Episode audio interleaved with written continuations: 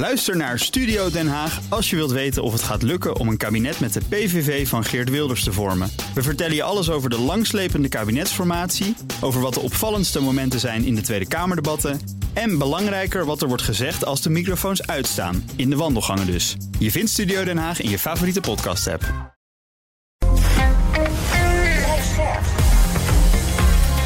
BNR Nieuwsradio. BNR breekt.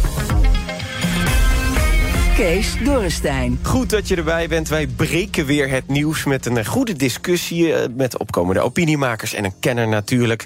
Vanaf half twaalf praat ik met het panel over een nieuw hoofdstuk... in de stikstofcrisis, want het kabinet presenteert vandaag... de nieuwe plannen. Is natuurlijk al heel veel over uitgelekt, dus genoeg om over te discussiëren. Lotte Lobé, oprichter van Top Sales Amsterdam... en ook docent eh, sales aan de Hogeschool Rotterdam dan weer... eh, is hier. Welkom als panellid. Dankjewel. En Goedemorgen Ja- allemaal. Ja, goedemorgen. Jasmin Ait uh, Abderrahman, Vol- volgens mij zeg ik het zo goed. Zeker. Ja, is hier ook voorzitter van FNV Young and United. Ja. Goedemorgen. Nou, dan hebben we ook zeker nog wel wat te bespreken wat betreft het breekijzer... want daar zit ook een FNV-element in. Dus eh, we gaan beginnen. BNR breekt. Breekijzer. Het is vandaag Black Friday en dus is het credo kopen, kopen, kopen. Toch zien we ook steeds meer protest ontstaan tegen dit consumentenfeest. De gevierde overconsumptie staat haaks op de duurzaamheidsdoelen. Veroorzaakt ook schulden bij mensen en betekent slecht nieuws voor pakketbezorgers. Inmiddels kiezen ook veel winkeliers en winkelketens ervoor... om niet mee te doen aan de gekte, maar een tegenbeweging te starten. Wat vind jij? Moeten we tijdens de huidige koopkrachtcrisis juist blij zijn met hoge kortingen? Of is Black Friday niet meer van deze tijd? En moeten we de risico's ook bloedserieus nemen? Eens of oneens met de breekijzer, laten we consuminderen en niks kopen op Black Friday. 020 468 4 keer 0 Laten we consuminderen en niks kopen op Black Friday. Eens of oneens, bel nu 020 468 4 keer 0. We praten er ook over met Henk Hofstede, sectorbankier retail bij ABN AMRO. Goedemorgen. Ja, goedemorgen allemaal. Ja, het is, kijk, het is natuurlijk, de, de, het breekijzer is er voor de panelleden en voor de bellers. Maar ik leg hem toch vaak ook even voor aan de kenner. In dit geval u dus. Eens of oneens met de breekijzer? dat hangt maar helemaal van je eigen situatie af. Uh, je gaf het net zelf al aan. Uh, koopkracht is voor heel veel mensen op dit moment het probleem. Dus ik kan me heel goed voorstellen dat je juist je essentiële aankopen uitstelt tot de Black Friday-periode om iets te kopen. Uh, dus wat dat betreft zeg ik van, joh, daar ben ik voor. voor essentiële aankopen, maar het moet uiteindelijk niet leiden tot onnodige aankopen waar je eigenlijk niet op zit te wachten. En die ook eigenlijk niet nodig hebt. Want we leven inmiddels wel in een andere tijd. En ik denk dat we daar anders naar moeten kijken. Dus ik zit er, ik zit er wat gemengd in. Ja, nou, dat is ook goed, want u bent de kenner. Uh, we praten zo meteen erover verder. Even naar het panel.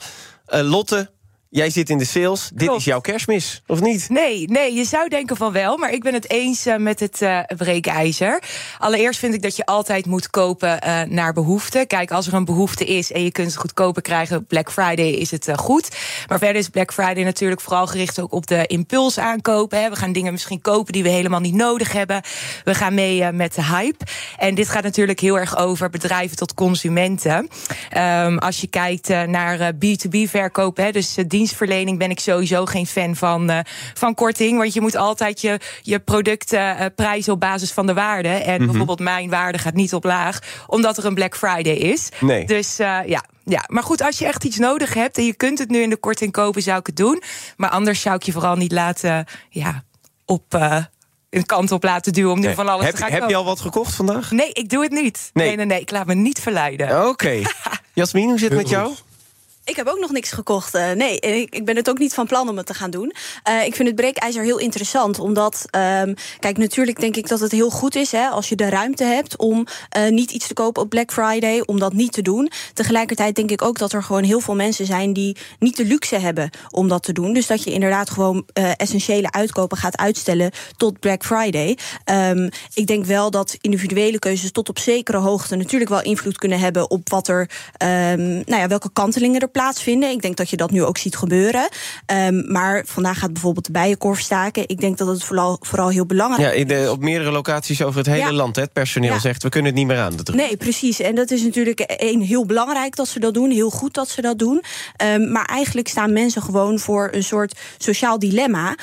Um, want je staat voor de keuze van wil ik uh, korting... en uh, mensen kunnen al niet rondkomen, de inflatie is al heel erg hoog... of wil ik een bewuste keuze maken? Nou, voor heel veel mensen um, is die keuze er eigenlijk niet. Um, en dat is iets wat voor grote bedrijven gewoon oplosbaar is.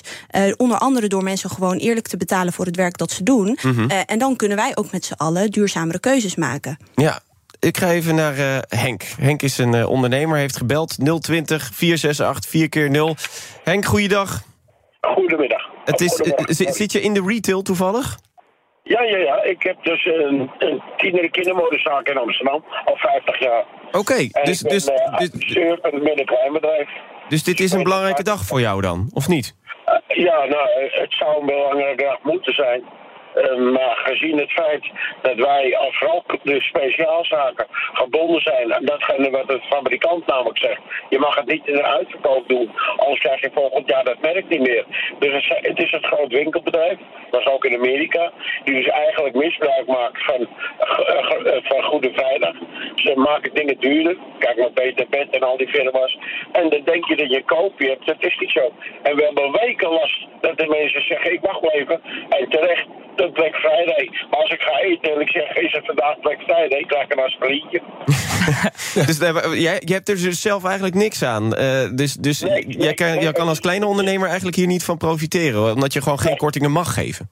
Nee, en het midden- en kleinbedrijf. En ik heb van de week dus met in Nederland met minister van Ginnet gesproken. Dus zegt met mensen, het midden- en kleinbedrijf is momenteel een, ja, een melkkoe met ontstoken huis. Steeds meer mensen vallen om omdat ze gezien de huur, huurverhoging, de loonverhoging en het feit dat fabrikanten eigenlijk de dienst maken. Niet alleen wat je koopt, maar ook waar je het op moet hangen en dergelijke. Uh, de Italianen zijn daarin heel strikt. Henk, ik, ik ga je ondertussen. Ik, ik uh, denk dat je punt duidelijk is. Je lijn is niet zo goed. Dus ik denk dat zeker als je in de auto zit nu op dit moment en aan het luisteren bent, dat je denkt: oeh, ik hoor Henk niet zo goed. In ieder geval, zijn strekking is: uh, kleine ondernemers die hebben het heel zwaar. En dit is vooral een, uh, een punt voor een groot winkelbedrijf. Ja, en Henk had wel een, een goed punt. Want wat je ook ziet de maanden daarvoor, dat ze prijzen omhoog gaan doen. Om vervolgens te laten lijken alsof je een grote korting krijgt. Dus kijk daar ook goed naar. Maar kijk, dat is. Dat is vind ik een, een, mooie. Want ik heb ook wel eens gehoord dat dat een broodje aap verhaal is. En we hebben een kenner, Henk Hofstede, sectorbankier ja. bij AWN AMRO. Uh, klopt dat, uh, meneer Hofstede? Nou, zeg vooral ook Henk. Uh, ja, ergens klopt dat wel. Maar de, de, de wet heeft daar wel iets voor verzonnen. Namelijk, wat je heel veel ziet met Black Friday zijn de van-voorprijzen. Hè? Mm -hmm. Het kostte 200 euro en het kost nu 150 euro. De wet heeft nu gezegd, bij de van voorprijzen moet je uitgaan van de laagste prijs van de afgelopen 30 jaren, da dagen voorafgaand aan Black Friday. Daarmee uh, uh, voorkom je dat, dat klanten eigenlijk, consumenten eigenlijk lekker gemaakt worden met kortingen die in de praktijk eigenlijk niet zoveel uh, om handen hebben. Dus uh, daar is wel regel, wet voor, regelgeving voor. En er zijn natuurlijk heel veel sites die dat voor consumenten checken. En waar je als consument kunt kijken van nou, wat is nou eigenlijk de, de echte prijs rondom Black Friday. Dus het gebeurt wel? beeld bij te krijgen. Het gebeurt wel. maar nogmaals, je moet voldoen aan die, aan die regel dat je de laagste prijs moet hanteren die je de afgelopen 30, jaar, 30 dagen voor Black Friday ook hebt gebruikt. Dus daarmee bouw je toch ja. iets van zekerheid in voor de, voor de Dus, dus het zou alleen werken als je het bewijzen van 60 dagen van tevoren al, ja, al heel lang nou ja, aan het, aan ja. het mee bezig bent. Wat dat ja, betreft, klopt. Weet je, en, dan is wel, en dan is wel de vraag, Kees, in hoeverre schiet je er nou als, als retailer mee op om mee te doen met Black Friday? Want als jij van tevoren je prijzen verhoogt uh, en mensen gaan er toch automatisch in zitten dat ze even wachten om uh, met kortingen straks met Black Friday iets te kopen. Ja, heft dat elkaar dan op. Dus ja. zijn er dan andere redenen waarom je dan als retailer... Uh, verplaats je eigenlijk gewoon het koopmoment ja. wat dat betreft. Ja, exact. exact. Uh, toch, um, als we kijken naar Black Friday de afgelopen jaren... hoe heeft zich dat ontwikkeld in ons land? Ehm, nou, het is geïntroduceerd eh, eh, in 2015 hè, door de grote e-commerce eh, retailers. Die zijn ermee begonnen. Dus vooral veel in de elektronica, maar ook in, in kleding en in wit en, en bruingoed. Die hebben het gekopieerd vanuit, vanuit Amerika. En als je bijvoorbeeld kijkt naar afgelopen jaar, en dan kijk even naar de cijfers van de Betaalvereniging Nederland, dan in 2021 hebben wij met Black Friday op de vrijdag zelf 529 miljoen aan pinomzet gedaan. Dat was 20% meer dan een normale vrijdag. Oké, Eh, dus mensen die, die gebruiken er, maken er wel degelijk gebruik van. Zeker, zeker. Maar de drukste dag, eh, Kees, was de zaterdag. Want eh, die vrijdag was toevallig een hele natte dag. En toen hebben we 18,5 miljoen pinbetalingen met elkaar verricht. Wat goed was voor 558 Oh. miljoen euro aan omzet. Maar dat was weer 5% minder ten opzichte van 2020. En dat had weer te maken met, met corona. Maar ja, het is vele malen hoger dan normale vrijdagen of normale weken eh, in, de, in november. Dus mensen zitten er echt wel op de azen. En eh, zoals Henk net zei, die zegt, ik ben Ja. kleine retailer... dus ik heb er eigenlijk helemaal niet zoveel profijt van. Is dat ook het algemene beeld? Ja, ik kan Henk goed volgen. eh, want in deze tijd waar veel retailers te maken krijgen met enorme stijgende kosten, eh, personeelskosten, eh, huurkosten, eh, eh, problemen met de inkoop, je moet je coronabelastingen terugbetalen. Ja, weet je, de gemiddelde retailer zit er niet op te wachten om marge weg te moeten geven, maar die heeft juist marge nodig om te overleven. Dus ja, ik kan me voorstellen dat veel wat kleinere retailers niet staan te springen om mee te doen met Black Friday. Nee, het, toch, En andere, en andere zaken proberen te verzinnen om klanten toch aan zich te binden of om ze naar binnen te halen. Eh, als we dan toch kijken naar, naar de cijfers die je net eh, gaf... Hè? Ehm, 20% meer dan een normale vrijdag... eh, kunnen we dan concluderen dat Black Friday... toch een beetje overconsumptie stimuleert? Ehm, ja, kijk, als een consument wijs is en zegt: ik, ik wacht gewoon mijn aankoop even af, ik stel het even uit en ik wacht tot, tot ik korting krijg, dan is het gewoon een verschuiving van omzet. Eh, dus als je het zo bekijkt, dan, dan, dan, dan is het maar de vraag of het overconsumptie eh, stimuleert. Maar als het juist aanzet tot het doen kopen van spullen, hè, de impulsaankopen die net werden genoemd, eh, van spullen die je eigenlijk niet nodig hebt, of waar je er al genoeg van in de kast hebt liggen, ja, dan, dan jaagt het dus wel overconsumptie aan. Ik ga nog even naar eh, een beller toe. 020 468 4 keer 0 Het breekijzer is eh, dat we allemaal moeten consuminderen... en niks kopen op Black Friday. Laten we consuminderen en niks kopen op Black Friday. Dus eens of oneens. Carlo, eens of oneens? Ik ben het eh, daarmee oneens. Ik denk dat, eh, dat het mogelijkheden biedt voor mensen met weinig inkomen bijvoorbeeld. Die kunnen een eh, grote aankoop doen die toch vaak in percentage flink daalt. Ook als ik kijk naar bijvoorbeeld naar mezelf, jaarlijkse abonnementen, die, die schelen toch veel in prijs. Tuurlijk, het stelt een koop uit naar Black Friday. Maar ehm, ik, wacht er, ik wacht er wel op en het scheelt echt in de kosten. En bovendien, wat vergeten wordt. Vroeger was Black Friday een dag. Tegenwoordig is het al een hele week. En daarom hebben de ondernemers daar ook moeite mee. Omdat ze nou een hele week eh, mee moeten doen met die sales. En dan vervolgens ook nog die, die Cyber Monday erachteraan. Ja, dan kunnen ze die, die marges niet meer eh, omhoog houden. Nee, precies. Eh, Als we daar, eh, daar even over doorpraten praten met, eh, met onze kenner Henk. Ehm, Henk, dat, de- het feit dat het nu tegenwoordig Black Friday Week is... en heb je maandag vaak ook nog Cyber eh, Monday... is dat nou Ja. slim van de retailers of juist niet? Is het slim van de retailers? Ja, eh, ook dat is maar weer de vraag aan welke retailer je het vraagt. Ehm, Black Friday is natuurlijk geïntroduceerd om daar verschillende voordelen uit te halen als retailer zijn. Eh, veel retailers gebruiken het om overtollige voorraden eh, weg te werken.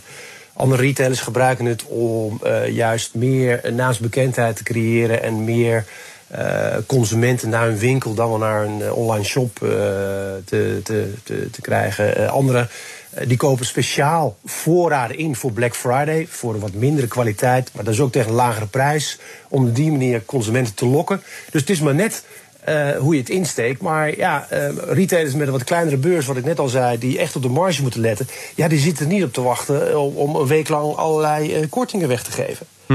Eh, en we hebben het alleen met elkaar eh, opgerekt. Dan is de vraag: doe je mee of doe je niet mee? Nou, en dan zie je ook heel veel tegengeluiden van partijen die zeggen: van, ja, dit wordt me echt te gek. Eh, dit is een feest van eh, overconsumptie. Ik doe niet mee. Ik ga het anders doen. Ja, en laten we het over die tegengeluiden gaan hebben. BNR breekt.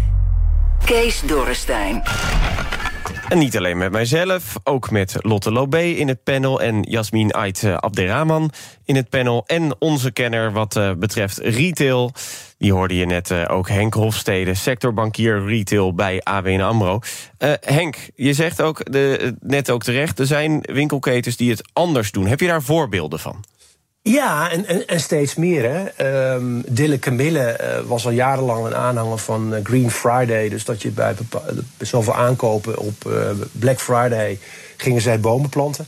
Nou, ze hebben dit jaar gezegd, ja, eigenlijk gaan we helemaal mee stoppen. We gaan echt een statement maken en we gaan onze winkels in Nederland en in België en in Duitsland gewoon dichtgooien. En we gaan met al ons personeel gaan we de natuur een handje helpen als statement tegen die overconsumptie, omdat het zo niet langer kan. Eh, Bever, eh, outdoor specialist. eh, daar kan je tegenwoordig, vandaag kan je daar gratis reparaties laten uitvoeren op, op je kleding en op je schoenen. Ook als signaal tegen de overconsumptie. Decathlon heeft vandaag, of eigenlijk de hele week, Buy Back Friday. Dus die kopen tweedehands Decathlon spullen terug van hun klanten. Om die uiteindelijk een tweede leven te geven.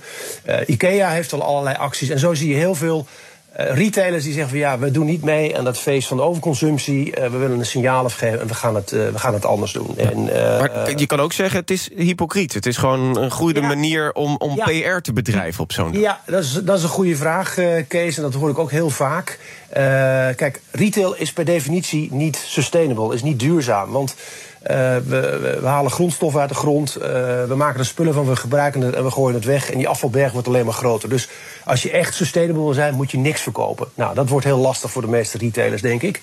Eh, maar je kan het wel proberen anders te doen. Door spullen te maken die langer meegaan, die gerecycled zijn. eh, producten die, eh, die tweedehands zijn. En om op die manier de, de levensduur te verlengen. En eh, ja, dat is heel complex, dat is soms ook heel dun. Maar Dylan Camille zegt bijvoorbeeld van ja, weet je, ehm, wij doen het gewoon omdat we echt een statement willen maken. Omdat we vinden dat die overconsumptie waar we nu in balans zijn met elkaar, dat dat echt niet kan. En ja, het, het zet wel steeds meer retailers tot, eh, tot nadenken. Hè. Dat, er is ook een black side on, eh, on die van, eh, van Black Friday. En dat, ehm, ook al gaat het misschien eh, mondjesmaat, maar dat steeds meer retailers toch wel nadenken over hun eigen imago en eventuele reputatieschade als ze meedoen met Black Friday. Willen we dat nog wel? Past het wel bij onze normen en waarden en past het wel in de tijdgeest waar we nu in leven? 020 468 4 keer 0 Laten we consuminderen en niks kopen op Black Friday. Steven, goedemorgen. Ben ik het helemaal mee eens. En waarom? Nou, kijk, eh, wij kunnen echt wel een heel stuk minder. En als iedereen gaat consumeren zoals wij dat op deze wereld doen, ja, dan, eh, dan zijn we binnen een paar jaar klaar. Dus eh, ik zou zeggen, iedereen het met de helft. En vooral ook stoppen met winkels die rommel verkopen. Gewoon Zoals? Nou, ik neem bijvoorbeeld een Action, waar eigenlijk eh, als je een pen koopt of iets koopt, het doet binnen de kortste keren niet meer. En toch staan die winkels vol met mensen die er allemaal rommel kopen. Ja, ik heb liever beter een goede pen dan een waardeloze pen. En dus dan zou je daar dan ook weer eh, veel meer voor willen betalen. Desnoods een soort dat 10, 20 euro voor een pen. Nou ja, kijk, weet je wat de grap is? Ik vind eigenlijk, de prijs is natuurlijk in verhouding tot het artikel wat je koopt. En als daar een goede balans in zit, eh, dan vind ik het oké. Maar gewoon winkels, winkels waar je alleen maar rommel kan kopen, ik vind dat we daar gewoon mee klaar moeten zijn. En dat is met kleding ook zo. Koop een goed product waar je jaren plezier van kan hebben. Maar geen eh, dingen die je één keer wast en eh, dan al er niet meer uitzien. Want daar gaan mensen alsmaar meer van kopen. Dus Steven, dankjewel voor jouw reactie. Marco, nog eventjes. Jij bent het ook eens met ons breekijzer. Waarom? Eh, waarom? Omdat inderdaad, wat mijn vorige, wat voorgaande beller ook zei, de korte bevrediging, kopen, kopen, hebben, hebben, hebben. Ik vind sowieso een virus. Laten we daar met z'n allen gewoon mee stoppen. En gewoon inderdaad duurzamer gaan kopen. Langer met dingen doen. En eh, heb je al wat gekocht trouwens eh, vandaag of niet? Of deze week? Ja, ja. Een Oh. pakje met vier Big Dat alweer wel. De komende zes maanden meedoen. Oké, dus is het een bakje met vier pennen waar je de komende zes maanden mee kan doen. Is, het, is dat eigenlijk zeven niet... maanden op zeker. En dat zijn big pennen. Ja, die blijven goed. Ja, als, En je kan erop kouwen ook. nou, Gelijk een snack. ik, ik, precies. Ja. Mocht je dan geen geld meer over hebben voor eten... dan kan je altijd je pennen opeten, wat dat betreft. Jasmin, Ja, nou, ehm, jij noemde net eh, van heb je het ervoor over om bijvoorbeeld een pen te kopen die wat duurder is. Eh, wat volgens mij belangrijk is, is de vraag van niet van heb je het ervoor over, maar eh, kan je het je veroorloven? Ehm, en volgens mij moeten we gewoon gaan kijken hoe we kunnen gaan ingrijpen in het productieproces. Ehm, en nou ja, kijken wat er vooraf gebeurt aan van die hele lage prijzen. Hoe wordt dat gemaakt? Wat betekent dat voor de natuur? Wat betekent het voor mensenrechten? maar dan wordt het sowieso duurder, toch? Dat, ja, dan wordt het duurder. Maar dat betekent dus dat je mensen eerlijker moet gaan betalen. eh, en dat ook mensen die, eh, ge- gewone mensen, men- mensen onder ons, dus ook meer gaan verdienen. De, de, de modaalverdieners. Nou, precies. Ja. Het Europees minimumloon gaat nu al naar 14. Nederland zegt, oh, nou ja, we wachten wel even. Eh, maar het is gewoon echt hard nodig om ervoor te zorgen dat mensen rond kunnen komen. en aan het eind van de maand de eindjes aan elkaar kunnen knopen. En we zien nu dat dat niet kan. Ja, als ik een, een alleenstaande moeder ben, of gewoon überhaupt moeder ben. ehm, en ik wil iets kopen voor mijn kinderen. Ja, natuurlijk ga ik dan wachten tot het Black Friday is en het veel goedkoper is. Maar- dan maar- kan ik niet eh, nu al iets kopen wat veel du- duurder en duurzamer is. Lotte, jij hintte net eigenlijk al van... we moeten naar een economie eh, waar je alleen dingen koopt als het nodig is. Ja. Moeten we dan echt bijna weer een beetje terug naar... Nou, misschien wel de tijd van, van de middeleeuwen... waar gewoon als je dan een kast kocht... nou, dan kocht je die voor het leven. En dan Ja. had je een kast. En dat is het dan. Nou, wat ze in de middeleeuwen wel deden, is, eh, is ruilen. Eh, ik heb het pas nog met mijn moeder gedaan. Ik had een zwarte broek nodig eh, en zij had er nog eentje in haar kast liggen. We Jullie hebben nog steeds dezelfde We maat? hebben dezelfde Oh, maat. Dus toen zei ze, ja, ik draag hem eigenlijk niet. Toen dacht ik, nou, dan neem ik hem van jou. En dan heb ik haar ook een kledingstuk teruggegeven. Toen dacht ik, nou, win-win. Hartstikke leuk. Ehm, dus ja, koop naar behoefte. Hoeft natuurlijk ook niet dat je nooit iets, meer iets leuks mag kopen voor jezelf. Maar ben gewoon Dan vooral heb jij ook geen baan meer in de sales natuurlijk. Nee, daarom. Je moet blijven vooral sales training blijven kopen natuurlijk. Nee, dus eh, ja, kijk eh, of, je het, eh, of je het nodig hebt. Maar ik denk vooral dat Black Friday triggert iets van een bepaalde angst ook. Hè, van ik moet het nu kopen, want iedereen heeft, heeft iets goedkoops gekocht... en nu moet ik mijn kans pakken. Dus laat je daar vooral niet te veel in meeslepen. En Nee. ik denk dat dat en-en is, hè? Want inderdaad, die verleiding, je ziet gewoon op al die websites eh, klokjes die aftikken met tijd tot Ja. nu en nu kan je het kopen. Ja, natuurlijk is het dan, dan wordt het voor mensen gewoon heel moeilijk om daar niet aan toe te geven. Eh, dus je moet voor zover je dat kan natuurlijk zelf bewuste keuzes maken, maar we moeten ook ingrijpen op dat macroproces. En dan nog even naar Nadia heeft gebeld. 020 468 4 keer 0 Eh, Nadia, jij bent het eens. Je bent zelf ook distribu- distributeur van kleding. Ehm, waarom ben je het eens Nee, met... niet van kleding, nee, van eh, huidverzorging. Oh, van huidverzorging, inderdaad. En, eh, en, en waarom bent u het eens met laten we consumeren en niks kopen op eh, Black Friday? Nou, ik, ik vind eigenlijk, eh dus overgewaaid uit Amerika, Mhm. Black Friday. En het wordt alleen maar eigenlijk erger en erger. En terwijl we eigenlijk terug moeten gaan naar de basic, zeg maar. Wat hebben we echt nodig? En, en dat we echt de eh, producten wat duurzaam eh, eh, kopen. En niet eh, ja, van dat eh, producten wat je maar allemaal weggooit. En consumeren, eigenlijk meer consumeren. Wat we dan meer nodig Maar, maar het zijn, zijn de producten voor de huidverzorging dan eh, erg duurzaam of niet? Ja, zeker, ja. En- Eh, bij ons wel. Oké, dus maar, maar kan je daar ja, lang mee doen? En, en betaal je daar dan ook een eerlijke prijs voor, ook aan de medewerkers? Ja, inderdaad. Wij, wij, wij streven ernaar dat de boeren een eerlijke prijs eh, krijgen. Eh, minder plastic, minder waste. eh, ja, dat de ingrediënten zeg maar op een eerlijke manier ja, Ja, ge- geproduceerd eh, worden. Dankjewel, eh, Nadia, voor, eh, voor jouw reactie. Nog even terug naar Henk Hofstede. Henk, ehm, we zitten nu een beetje in, in de discussie van... Moeten, er eigenlijk, moeten de producten niet duurzamer gemaakt worden? Misschien ook dat we er meer voor moeten gaan betalen. Moeten we vaker ook gaan ruilen, dat soort zaken. Dat betekent wel misschien ook het einde aan bepaalde winkels. Zien we echt dat er... ziet u dat er echt een kentering aan het plaatsvinden is... door bijvoorbeeld een nieuwe generatie? Of valt dat eigenlijk Ja. nog wel mee? Nou, er, er- er- er is wel een verschuiving eh, eh, gaande. Eh, eerst even terug naar hoe consumenten überhaupt... want daar begint het toch uiteindelijk mee, hè? Hoe consumenten tegen Black Friday aankijken. We hebben als bankzender daar zelf in het verleden wel eens onderzoeken naar gedaan. Maar Milieu Centraal, hoorde ik gisteren, heeft daar een, een flitspeiling op losgelaten. En daar blijkt dat 47% eh, van de consumenten Black Friday maar zo-zo vindt.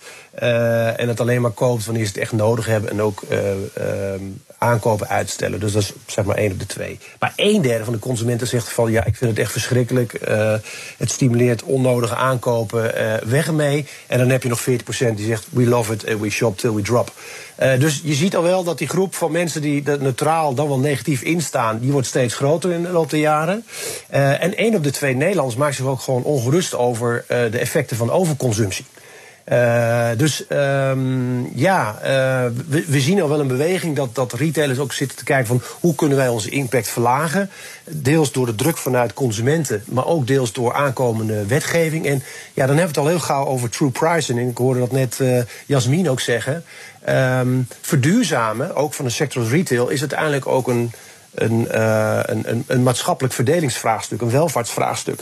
En als jij eh, overgaat tot een systeem van true pricing, dan ga je alle externaliteiten, alle verborgen kosten die eigenlijk te maken hebben bij het produceren van dat product, ga je toch in de kostprijs eh, meenemen. En dan, ja, dan wordt een goedkoop product van 4 euro. Die wordt dan toch wat duurder. Waardoor mensen uiteindelijk bewuster gaan nadenken over: heb ik het product wel nodig en moet ik het wel kopen? Eh, eh, ga ik het vaak gebruiken? Of zijn er nog andere manieren hoe ik ook zo'n product in mijn bezit kan krijgen? Namelijk door te ruilen, tweedehands, eh, te laten repareren. Dus gaandeweg is er wel wat, wat, wat, wat, wat, wat, wat, wat, wat onderweg. Maar het is natuurlijk heel lastig voor bestaande retailers en ook andere ondernemingen om een businessmodel te bouwen op basis van minder. Ja. En daar zit de crux. Precies, en dat is nog een mooie opgave aan ondernemers dan eh, voor de toekomst. Dank sectorbankier, pardon, eh, retail Henk Hofstede aan de ABN AMRO Bank. Zometeen praten we met de panel verder over de stikstofplannen van het kabinet. Die komen definitief vandaag. De uitkoopregels, de opkoopregels van de stikstofemissieruimte... daar hebben we het zometeen over na de reclame en het nieuws. Ook Diana Matroos vind je in de BNR-app. Ja, inderdaad. Je kunt live naar mij luisteren tijdens de Big Five. Ook handig in de BNR-app. Breaking nieuwsmeldingen, maar ook het allerlaatste zakelijke nieuws. En je vindt in de app alle BNR-podcasts, waaronder Wetenschap Vandaag. Download nu de gratis BNR-app en blijf scherp. BNR Nieuwsradio. BNR breekt. Kees Dorrestein. Goedemorgen, goed dat je er nog steeds bij bent. In mijn panel vandaag Lotte Lobé, oprichter van Top Sales Amsterdam...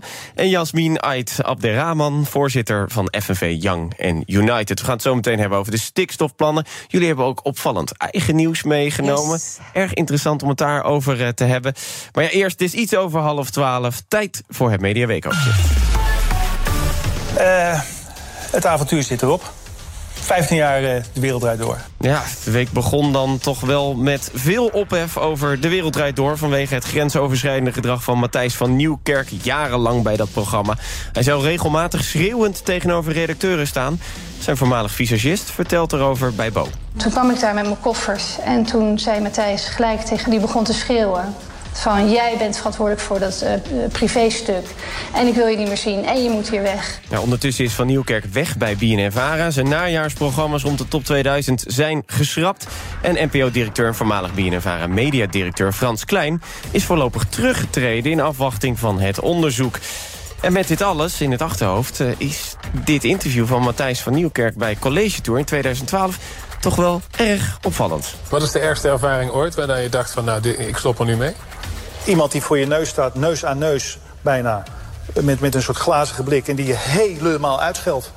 Dat je de grootste lul in een programma, een zakgevoel, klozen dat. En het gaat maar door. Dat vind ik heel vervelend. De pensioenen dan. Die gaan volgend jaar omhoog. En bij de groot, het grootste pensioenfonds ABP zelfs met 12 procent. Bestuursvoorzitter Harmen van Wijnen. We zijn er echt blij mee, met name voor, onze, voor al onze deelnemers en zeker die gepensioneerden. Want eh, het is natuurlijk heel dubbel, want heel veel mensen die hebben last van die, die enorme prijsstijgingen. Dus natuurlijk zijn we blij dat we ja, ons, ja, ons beleid en onze, ja, waarvoor we op aarde zijn kunnen doen. Meer economisch nieuws, want de Europese Commissie heeft onze Nederlandse begroting afgekeurd. Politiek verslaggever Sophie van Leeuwen. Vele miljarden, plus mogelijk stijgende rente, ongericht eh, energierekeningen compenseren. Daar gaat heel erg veel geld naartoe. En ja, dan zegt misschien ook de Commissie Nederland. Zo zijn we het niet van jullie gewend. En dat betekent dus dat Kaag terug naar de tekentafel moet. En ja, voor Nederland is dat... Ja, hoe zou je dat nou het beste zeggen? Dat vind ik heel vervelend. Precies. Bij ons is het Black Friday week. In Oekraïne is het Blackout week. Een schril contrast. Want door tientallen Russische bombardementen over het hele land... op het elektriciteitsnet werd het pikken donker in Oekraïne. Buitenlandcommentator Bernard Hammelburg. Een klassieke manier om alles wat er nog overeind staat... aan infrastructuur, aan watervoorziening, aan elektriciteit en zo... om dat plat te gooien. Eh, Dus ze komen allemaal neer, worden voor een deel wel neergehaald... maar het grootste deel raakt hun doelen. Dus het is echt een hele beangstigende situatie. Ja, en dan, het WK is natuurlijk begonnen deze week. Er werd gescoord door Kakpo! En dus wonnen we van Senegal, maar dat was niet het belangrijkste nieuws.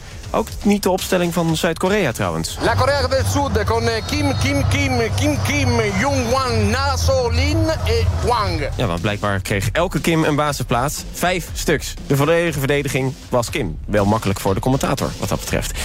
Nee, het ging vooral over... De One Love aanvoerdersband. Die mocht niet van de FIFA in Qatar op straffen van een gele kaart. Maar zowel een Duitse als Belgische minister liet het er niet bij zitten en droeg een aanvoerdersband toen ze naast FIFA-voorzitter Infantino zaten op de tribune. En ondertussen zegt de handelaar in aanvoerdersbanden dat hij helemaal is uitverkocht dankzij de ophef. Ondertussen heeft Van Gaal gezegd tijdens de persconferentie van Oranje... dat er geen statement meer gemaakt wordt door ons team op het WK. Terwijl de Duitsers dat wel deden door hun hand voor de mond te houden... op de teamfoto voor de wedstrijd. Maar Van Gaal gaf dan toch wel een beetje liefde... aan een Senegalese jonge journalist... die tijdens de persco zei een fan te zijn van onze trainer. tell you how I'm a fan of you since uh, childhood. Ik kan je een, een, een dikke knuffel geven direct. Want ja, ik vind het wel leuk dat je dit zegt. Dat meen ik serieus. Dat gebeurt niet vaak. Dus we gaan elkaar lekker knuffelen direct. Het kabinet dan, want dat is eigenlijk ook nog wel het nieuws van deze week... Eh, komt vandaag met de stikstofbrieven om de stikstofuitstoot terug te dringen. Eerder deze week lekte al uit dat boeren en bedrijven... een uitkoopregeling voorgeschoteld krijgen van 120% van hun bedrijfswaarde. Die regeling geldt maar voor één jaar. Als ze niet toehappen, dan helaas pindakaas. Nu is er ook gelekt dat het kabinet het eerste recht... om de stikstofruimte van bedrijven op te kopen heeft geclaimd. En er komt hopelijk vanmiddag nog meer naar buiten. Even naar het panel. Eh, Lotte, 120% van de bedrijfswaarde, stikstofruimte wordt opgekocht... en als je echt niet meewerkt, ja, dan misschien gedwongen uitverkoop... of eh, dan moet je je in ieder geval hele strenge milieuregels houden. Is dat een goed plan? Ja, mijn microfoon ging even uit. nou, ik zet- ben er we weer. we ik ben er weer. Hartstikke goed. Ehm, nou, wat het belangrijkste is, is dat het eh, nationaal eh, belang eh, voorop staat. En de overheid moet daar ook de ruimte voor krijgen. Alleen het is nog steeds heel weinig concreet. Hè? Wat gaan ze dan met die ruimte doen? Mhm. Ehm, dus Nou, ik denk dat. ze- bouwen bijvoorbeeld, of de bouwen- pasmelders helpen. ja, inderdaad. Maar het zijn nog steeds alleen maar ideeën. Dus ik kan me ook voorstellen, die boeren, als je je bedrijf verkoopt, dat je ook wilt weten: oké, waar gaat het dan naartoe? Wat gaat ermee gebeuren? Dus wellicht dat ze met concrete eh, cases kunnen komen van: nou, dit zijn de plannen, dit zijn de redenen, concrete uitgewerkte plannen waarvoor wij die ruimte eh, willen inkopen. Eh, en dan op basis daarvan kunnen die boeren dan ook overwegen van: nou, ga ik voor die 120 procent? Dan zag ik gisteren een, een boer en die werd dan geïnterviewd en die zei van: ja, maar hoe gaan ze dan die 100 procent bepalen? Hè? Hoe wordt nou de waarde van mijn bedrijf Ja, want is het, is het de waarde die het nu heeft? Ja. Of de waarde die het een paar jaar geleden had? Precies, of de, Ja. Hè, de waarde van de toekomst, dus de potentie van eh, de ruimte die ze gaan opkopen. Zo zou je er ook nog naar kunnen kijken. Is dat een terecht eh, punt? Ik denk het wel, want als daar eh, voor ons allemaal belang aan zit, hè, dat we er met z'n allen op vooruit gaan, dan dragen zij dus ook een stukje waarde af aan de rest. En tegenover waarde staat natuurlijk een, een prijs. Ja, en dat betekent wel trouwens dat als je dan voor deze regeling gaat, dat je ook een beroepsverbod krijgt. Dus je mag niet ergens anders dan je bedrijf starten. Ja, ja.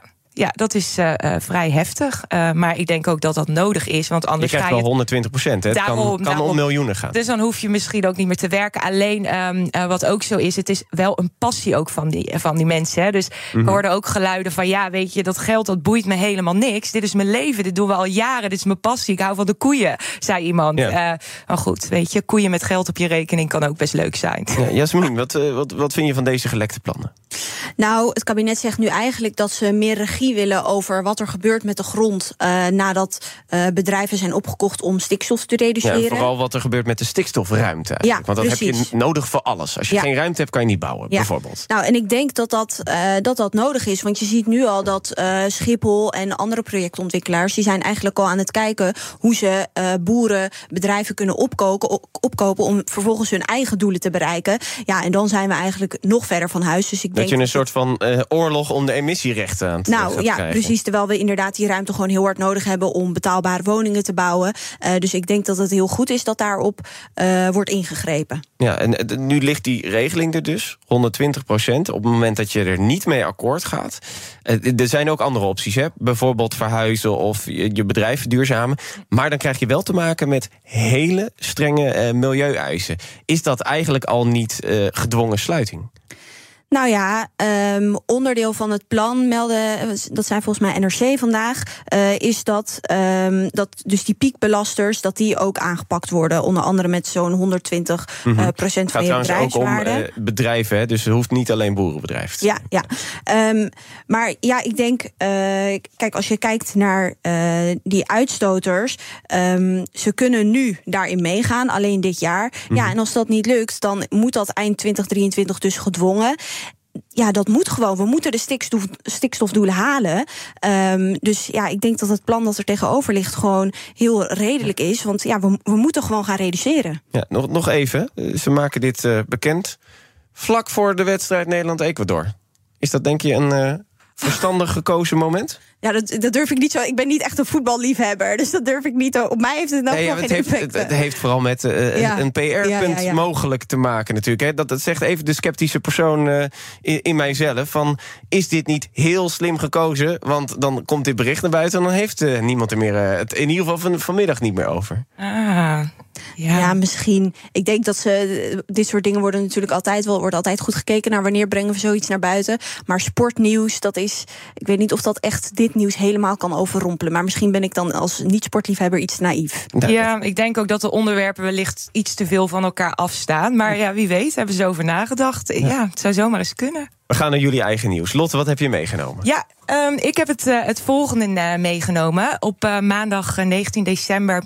Uh, worden er excuses uh, aangeboden voor de slavernij op uh, ja, is nu officieel bekend, hè? Ja, ja. ja op acht verschillende plekken. En voor, vanuit de Nederlandse staat? Ja, vanuit ja. de Nederlandse staat in onder andere Suriname en ja, Caribische eilanden die verbonden zijn aan Nederland.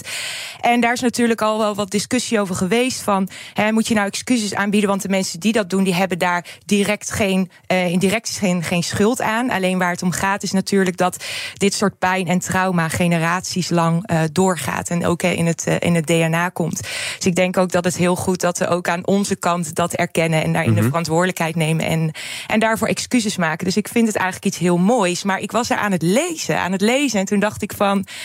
Oké, okay, we laten hier zien dat we leren van het verleden. We hebben bepaalde inzichten gekregen. Ja. Aan de andere kant is er recentelijk iets gebeurd in Qatar... wat ook heel erg dichtbij moderne slavernij komt. Ja. Dus dat, daar was ik ook wel benieuwd naar van hoe kijken jullie daarnaar na? Hè? Tuurlijk kun je die dingen niet compleet met elkaar verbinden. Met, maar wat betreft bewustzijn denk ik van ja, hallo, gaan we nou leren van het verleden? Of gaan we op een andere manier hetzelfde vind doen? Je, vind je dan dat uh, uh, onze minister Helder gaat, uh, gaat daar naartoe, naar de wedstrijd Nederland-Qatar.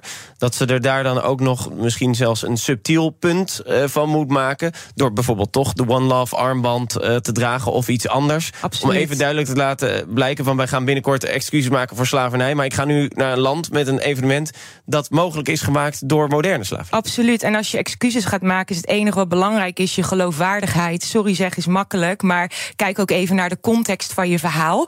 Dus he, om daar die in ieder geval door te trekken en te laten zien... we staan erbij stil, is wel een goeie.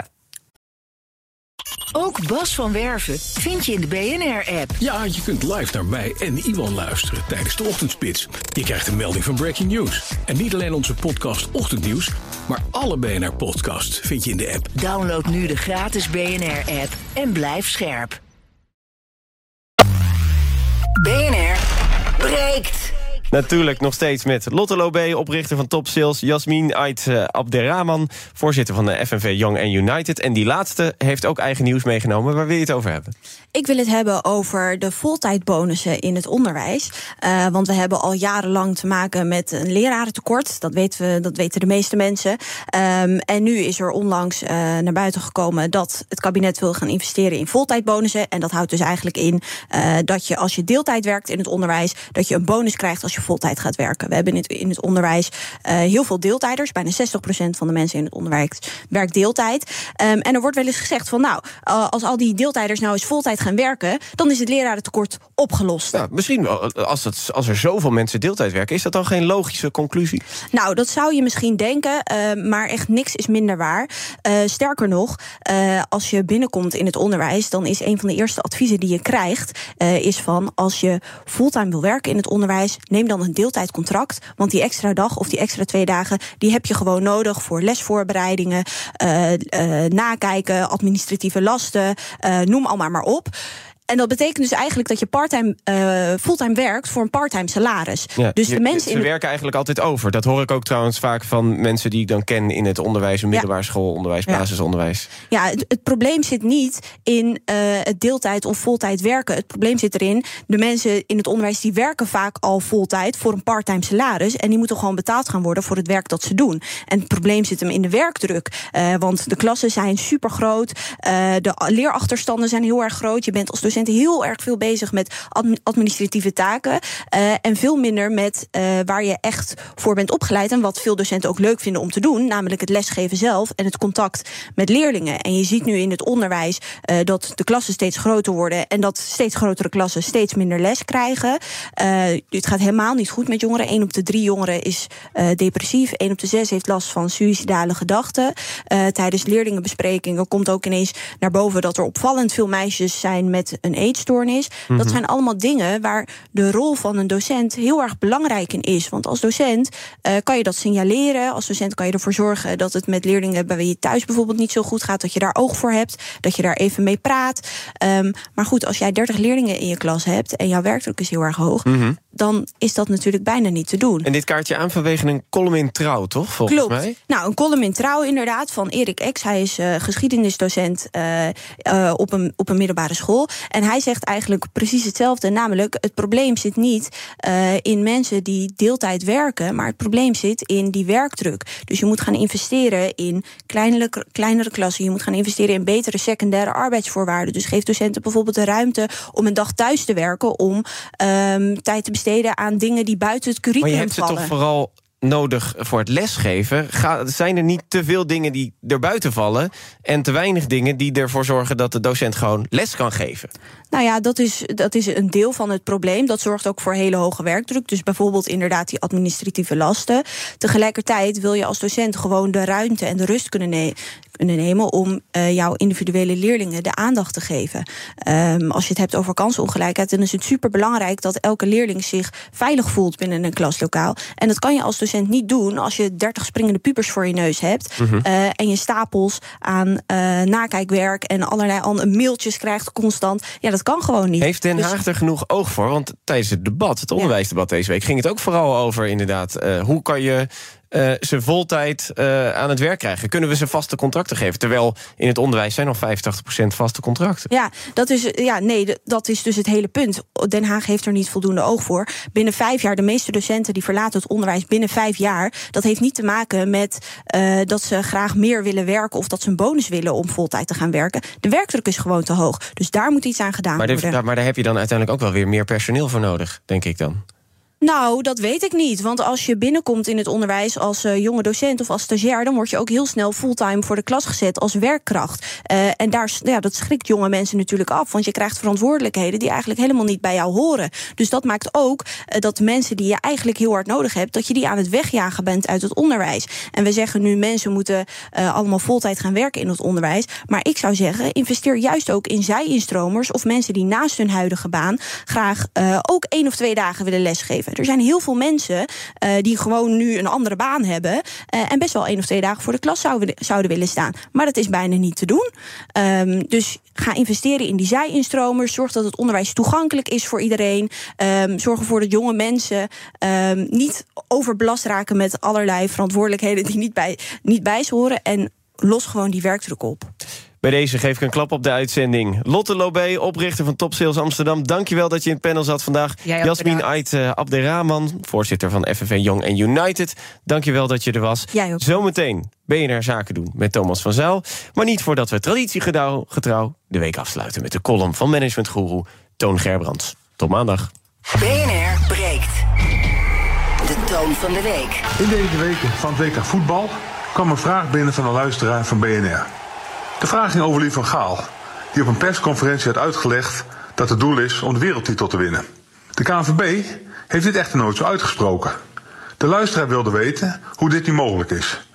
Mag een coach of een manager zijn of haar eigen doelen bepalen of doet de organisatie dit? Voor me op tafel ligt hem uit te reiken. De gele kaart. Deze werd uitgereikt aan de technisch directeur van de KNVB. Een naam is helaas niet te geven, omdat de KNVB op dit moment geen technisch directeur in dienst heeft. Als een coach wordt aangesteld, dan bespreekt de directie de doelen van de organisatie. Het is belangrijk om achteraf te kunnen evalueren en de juiste conclusies te kunnen trekken met lessen voor de toekomst. Dit staat los van het halen van doelen of niet halen van de doelen. Het organisatiedoel staat altijd boven het persoonlijk doel. Bij succesvolle teams is dit altijd een belangrijk uitgangspunt gebleken. Louis van Gaal is hier een meester in om dit met zijn eigen teams te realiseren. Daarnaast moet je bij het stellen van doelen toch onderscheid maken tussen doelstelling en ambitie. Doelstellingen zijn gebaseerd op realisme en ambitie heeft als basis de droom. In de plannen van een paar jaar geleden stond als doel van de KNVB het halen van de kwartfinale op een WK. Het is nu onduidelijk wat het organisatiedoel is van de KNVB, want er is vooraf niet duidelijk over gecommuniceerd. Tijdens de persconferentie riep de algemeen directeur op de achtergrond dat ze ook voor de wereldtitel wil gaan. Door deze handelwijze loopt alles door elkaar heen. Organisatiedoel, persoonlijk doel, overeengekomen doelen en ambitie. Voor Louis Vergaal is het duidelijk. Hij heeft een persoonlijk doel en een persoonlijke ambitie. Heel begrijpelijk als je met je laatste coachopdracht bezig bent. Maar vanuit de KNVB begint nu de ellende na de WK. Op basis van welke organisatiedoelstelling moet je na het WK gaan evalueren als bond en als leidinggevende? De KNVB heeft dit dus niet begrepen. En hierdoor is nu het punt bereikt dat er één conclusie te trekken is. Ook de KNVB is in de valkuil terechtgekomen waar organisatiedoelen, persoonlijke doelen en ambitie dwars door elkaar heen lopen. Na de WK gaat Ronald Koeman verder als bondscoach. Er is nog geen nieuwe technisch directeur die naast hem kan plaatsnemen. Op de eerste persconferentie is het interessant te checken als journalist of de KNVB tevreden is met het resultaat van het WK in Qatar. En wat de leerpunten zijn voor de komende periode. Daarna zal de KNVB weer met nieuwe doelen moeten gaan werken met deze nieuwe bondscoach. Hoe duidelijker deze vastgelegd, hoe minder vogelvrij een bondscoach is. Een mooie taak voor de technisch directeur, die er overigens nog steeds niet is. Ik ga deze persconferentie zeker volgen. De KNVB kan zich namelijk ook verbeteren. Wie weet. Op naar de volgende week van Toon. Ik kijk uit naar reacties en suggesties. We hebben ongetwijfeld te vinden. Tot volgende week. Goed weekend allemaal. Was getekend. Toon Gerbrands.